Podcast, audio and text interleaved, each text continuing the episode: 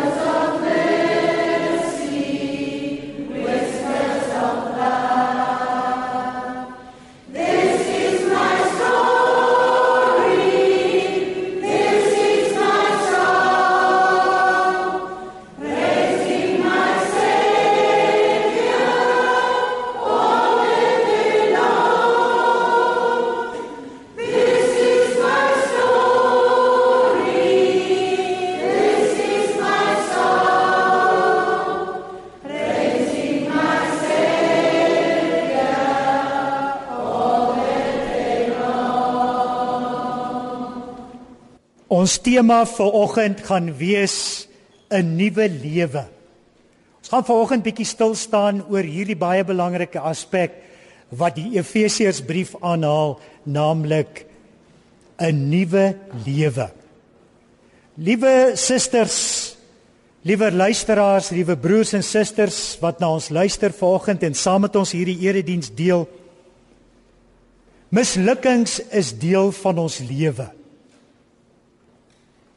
om te misluk in die lewe het so deel geword van ons natuurlike lewe dat ons dit elke dag ervaar. En dit beteken dat ons dikwels in ons lewe nie ons doel bereik wat ons graag wil bereik nie. Dat ons baie keer self as mense te sê, "Maar my drome het nie waar geword nie. Ek het nie uitgekom daar waar ek graag wil wees nie." Ek het miskien 'n verkeerde besluit geneem. Ek het miskien in my lewe soveel besluite geneem dat waar ek op die oomblik is, is 'n plek waar ek nie graag wil wees nie. Ek wou graag 'n gesin gehad het wat dalk liefdevol tot ek oud geword het saam kon deel. Ek wou 'n keuse gemaak vir 'n man of 'n vrou in my lewe wat ek wou sê maar hierdie vrou of hierdie man ek my hele lewe mee lank gedeel het En nou het my gesinslewe uitmekaar uitgespat. My huwelik is nie meer daar. Ja, al hierdie drome wat ek gedroom het, is nie meer daar nie. Ek het dit net nie meer. Al die mense rondom my vra my altyd: "Wat het geword van jou mooi drome? Waar is jy op die oomblik?" En broer en suster en liewe gemeente, dit is 'n vraag wat nie net hier in die gevangenis gevra word nie. Dit is 'n vraag wat mense buitekant ook vir mekaar vra om te vra maar hoekom het ek misluk? Hoekom het dit gebeur met my in hierdie lewe? Waar is ek op hierdie oomblik dat ek dat ek is waar ek is? Baie keer gebeur dit in 'n mens se lewe dat dit is as gevolg van ons eie besluite wat ons neem. Een dame sê op 'n stadium vir my hier in die gevangenis, sy sê Ek kan nie glo dat ek so naïef was om te glo dat ek nooit gevang sou word as ek met dwelms deurmekaar raak nie. Dat ek nooit gevang sou word om bedrog te pleeg nie. Ek het gedink ek kan maar net vry uitgaan. En hier sit ek nou. Hier sit ek nou en dit's my drome in flarde. Broer en suster, liewe gemeente vanoggend, is dit so 'n belangrike saak vir ons om te sê dit gaan nie oor die mislukkings wat ons maak nie. Almal van ons het foute. Of ons binne in die gevangenis is of ons daar buite is, almal van ons ervaar mislukkings en teleurstellings in ons lewe. Maar 'n persoon het eendag gesê, dit is hoe jy opstaan en wat jy maak van die lewe wat God nou vir jou gee wat baie belangrik is. Dis nie so belangrik van waar jy kom nie, maar wat jy nou besluit oor jou lewe en wat jy daarmee vorentoe gaan. Wat maak ek dan as ek al hierdie verkeerde besluite geneem het en my drome is in skerwe? Weet jy wat maak party mense? Party mense gaan voort en ignoreer dit totaal en en maak asof daar niks gebeur het nie. Asof ek nie hierdie teleurstellings oor my eie lewe en myself ervaar het nie. En sê ag, dit is maar die gemeenskap daar buitekant se skuld. Dis maar die mense daar buitekant wat se skuld dit is. Baie keer gaan sit mense in sak en as en sê ag Wat kan ek tog aan my situasie doen? Wat kan ek verander? Ag, dit is so hopeloos. Daar is geen hoop vir my nie. Daar's geen toekoms vir my nie. Daar's niks nuuts vir my nie. Dan kom ons baie keer en ons sê vir mekaar: Is dit regtig so? En wanneer ons hierdie gedeelte lees vanoggend dan is hierdie mooi gedeelte wat na vore kom en dan kom Paulus het hierdie brief geskryf wat aan die Efesiërs dan kom hy en hy sê daar is hoop vir elkeen van ons wat mislukkings in ons lewe het. Daar's hoop vir ons wat teleurstellings het. En daai hoop sê hy het Jesus Christus gebring met 'n nuwe lewe wat hy vir elkeen van my en jou moontlik maak. En hierdie nuwe lewe, sê is 'n lewe waar jy oor kan begin. Jy kan weer nuwe besluite neem in jou lewe. Jy kan weer nuut besluit oor jouself. Jy kan nie besluit vir hierdie nuwe lewe wat Jesus Christus vir jou gebring het en daarom praat Paulus en hierdie gedeelte wat ons gelees het van 'n ou lewe en 'n nuwe lewe. Hy sê die ou lewe is 'n lewe waar ek so selfgesentreerd was om my eie begeertes en my eie behoeftes dat ek ander mense rondom my nooit in aanmerking geneem het nie. Dit het gegaan om myself, om myself te verryk, om vir myself die beste uit die lewe uit te kry. Hy sê ook hierdie lewe het tot niks gelei nie. En baie keer ook wanneer ons in die samelewing daar buite is en ons het mislukkings en ons het teleurstellings, dan kom ons agter dat die keuses wat ek gemaak het, het en hierdie swak keuses wat ek in my lewe gemaak het, het maar uitgeloop op 'n lewe wat vir my niks in die sak gebring het nie, het niks betekenis vir my gehad nie. Maar nou kom Paulus en hy sê daar is 'n nuwe lewe in Jesus Christus. Jy kan nuut begin. Maar hy sê ook en dit is baie duidelik uit hierdie ding dat hierdie nuwe lewe van Jesus wat Jesus vir ons gebring het, wat Paulus sê wat ek vir julle geskenk van God gegee het, Hy sê daai lewe val nie sommer in ons skoot in. Dit gebeur nie sommer outomaties nie, maar hy sê daar's 'n paar dinge in jou lewe wat moet gebeur is. Jy moet verantwoordelikheid vat vir jou lewe. En susters, ons wat ver oggend hier sit, broer en suster, u wat daar buite as luisteraars luister, dit help nou weg te hardloop van die mislukkings en die teleurstellings en die verkeerde besluite wat jy gemaak het. Jesus bring vir gee vir jou 'n nuwe kans en hy sê jy kan nuut besluit vir oggend. En hierdie nuwe begin kan jy waarmaak in jou lewe. Hy sê dan die eerste ding wat hy daar sê is breek met die ou lewe. Wanneer ek in my lewe verantwoordelikheid neem vir my lewe, dan breek ek met die ou in my. Dan breek ek sodat ek die nuwe kan kry want die nuwe kan nie uitkom en die nuwe kan lewe kan nie deel word van my lewe as ek nie verantwoordelikheid neem vir my eie lewe nie as ek nie daai besluit neem en daarom sê hy die eerste stap is breek met die ou sondige mens wat daar in ons is wat so selfgesentreerd was en dan sê hy die volgende wat hy daarin sê hy sê sê laat julle gedagtes nuut word Jy kan dit lees in die vers wat hy sê: "Julle gedagtes moet nuut word. Dink nuut oor jou lewe. sien jou lewe in 'n verhouding tot Jesus Christus. Maak jouself 'n nuwe mens." Deur die besluite want God wil dit graag in jou lewe doen. Want hierdie nuwe lewe sê hy is 'n lewe volgens die voorbeeld van Jesus Christus. En daarom sê hy jy het geleer wie Jesus is. En omdat ons as gelowiges volgens hier sit En ons sit hier as kinders van die Here en ons het die Here se naam aangeroep, ken ons die Here. Maar die Here wil ook vanoggend hê dat ons hierdie besluit moet neem in ons lewe om te sê Jesus, ek wil ook U volg en hierdie nuwe lewe wat vol is van liefde, van vergifnis, van verzoening. Hierdie lewe wil ek ook deel maak van my lewe. Dan breek die nuwe lewe deur. Dan kry ek God se genade om weer my verhouding met my familie te herstel met my kinders. Maak Christus my weer 'n waardevolle mens waar ek hierdie nuwe lewe so deel is van my dat ek weer waarde het, dat ek weer myself erken as 'n kind van God wat waarde het. Broer en suster, ons ook in die gemeenskap waar ons leef elke dag. U en ek beleef ook mense wat deur baie smart, teleurstellings, mislukkings gaan.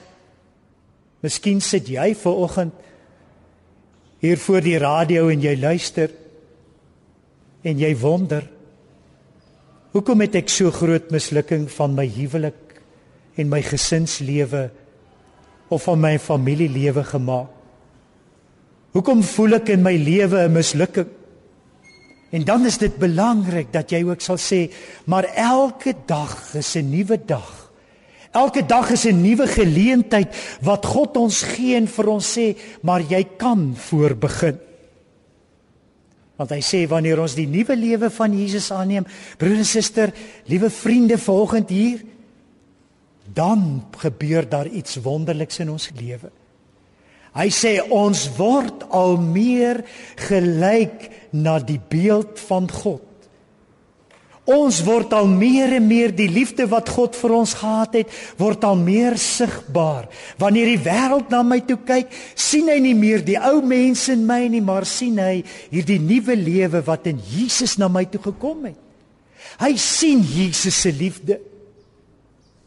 Hy sien ek het 'n kind van God geword.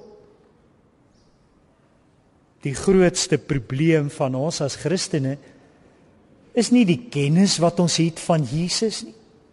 Ons wat vanoggend hier sit, ons weet en ons ken wat Jesus vir ons gedoen het. Ons weet dat Jesus vir ons gesterf het. Ons weet dat Jesus vir ons 'n nuwe lewe gebring het, dat Jesus my versoen het. Maar die groot vraag is: lewe ek hierdie nuwe mens? En daarom sê Paulus: breek met die ou mens en lewe as nuwe mense. Jesus sê ek stel jou in staat om as nuwe mens te lewe. Ek gee jou die krag. Ek maak jou nuut. Liewe susters hier in Gosimampuru afdeling van van korrektiewe dienste. Miskien vra jy vanoggend, wat maak ek hier? Jesus sê vanoggend vir jou, ek het vir jou 'n ander antwoord. Ek het vir jou die antwoord om te sê, ek is hier om jou nuut te maak. Ek wil weer hê dat jy jou verhouding met jou kinders, met jou familie moet herstel. Ek is hier so sodat jy weer in jouself waarde kan kry en kan sê, maar ek is 'n kind van die Here en ek wil opstaan en ek wil vir die wêreld sê, Jesus het my nuut gemaak. Ons staan vanoggend voor hierdie nuwe lewe wat Jesus vir ons gee. Wat is jou besluit? Wil jy nie saam met soveel mense daar buite ook volgens sê ek wil graag nuut word. Ek wil graag my lewe omkeer. Ek wil graag hierdie geleentheid wat Jesus vir my gee elke dag wil ek nuwe keuses maak. Nie keuses vir die ou mens nie, want ek het gebreek. Maar ek wil keuses maak met die nuwe mens. Broer en suster, maak daai keuses wat Jesus vir jou in jou lewe gegee het. Maak daai nuwe besluite en dit maak ons nuut in Jesus se naam. Amen. Kom ons bid saam. Ons Vader in die hemel, wanneer ons vanoggend voor U kom staan, dan sê ons vir U dankie dat U vir ons die God is wat vir ons nuwe geleenthede gee. Dat U die Here is wat in Jesus Christus gekom het om hierdie nuwe lewe as 'n geskenk vir ons te gee. Daarom bely ons volgens dat ons so vashou aan die oue wat uitloop op niks en dat ons Here baie keer die verantwoordelikheid wat ons vir ons eie lewe het afstoot en die skuld vir ons mislukkings op ander plaas. Maar dankie Here dat U vir ons sterk maak en dat U ook vanoggend en hierdie saam met hierdie vrouens saam met ons as gemeente hier in die gevangenis, ja ook Here in hierdie korrektiewe dienste by ons is. En dankie ook Vader dat ons weet U is ook oral. En dat U hierdie nuwe lewe in ons lewens wil rigbaar maak en sigbaar wil maak. Ons bid vir ons families daar buite wat dalk saam met ons ver oggend luister vir ons kinders wat na ons luister. Here, ons wil ook ver oggend vir hulle sê alles ons ver van mekaar af. Dankie dat ons deur die geloofsband aan mekaar gebind is. En ons wil ook bid, Here, dat U ook hulle sterk sal maak daar buite. En Here, help hulle om ook te aanvaar dat ons ook hier besig is om ons lewens te verander, om ons nuut te maak, sodat wanneer ons uitkom, ons ook weer met hulle verenig kan word. Here, vergewe ons vir die seer wat ons gemaak het. Ons bid dat U in U liefde en U genade vir hulle daar buite sal dra. Ons bid dat hulle U hulle sal sterk maak in Jesus se naam. Amen.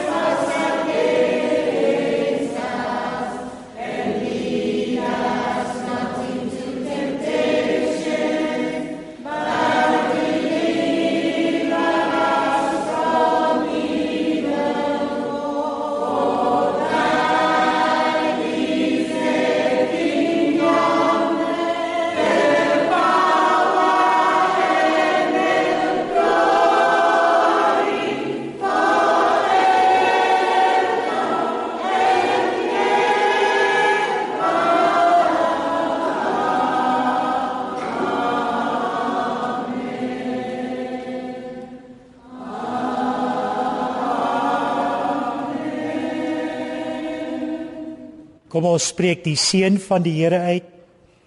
Mag die genade van ons Here Jesus Christus, die liefde van God en die gemeenskap van die Heilige Gees met julle almal wees en bly. Amen.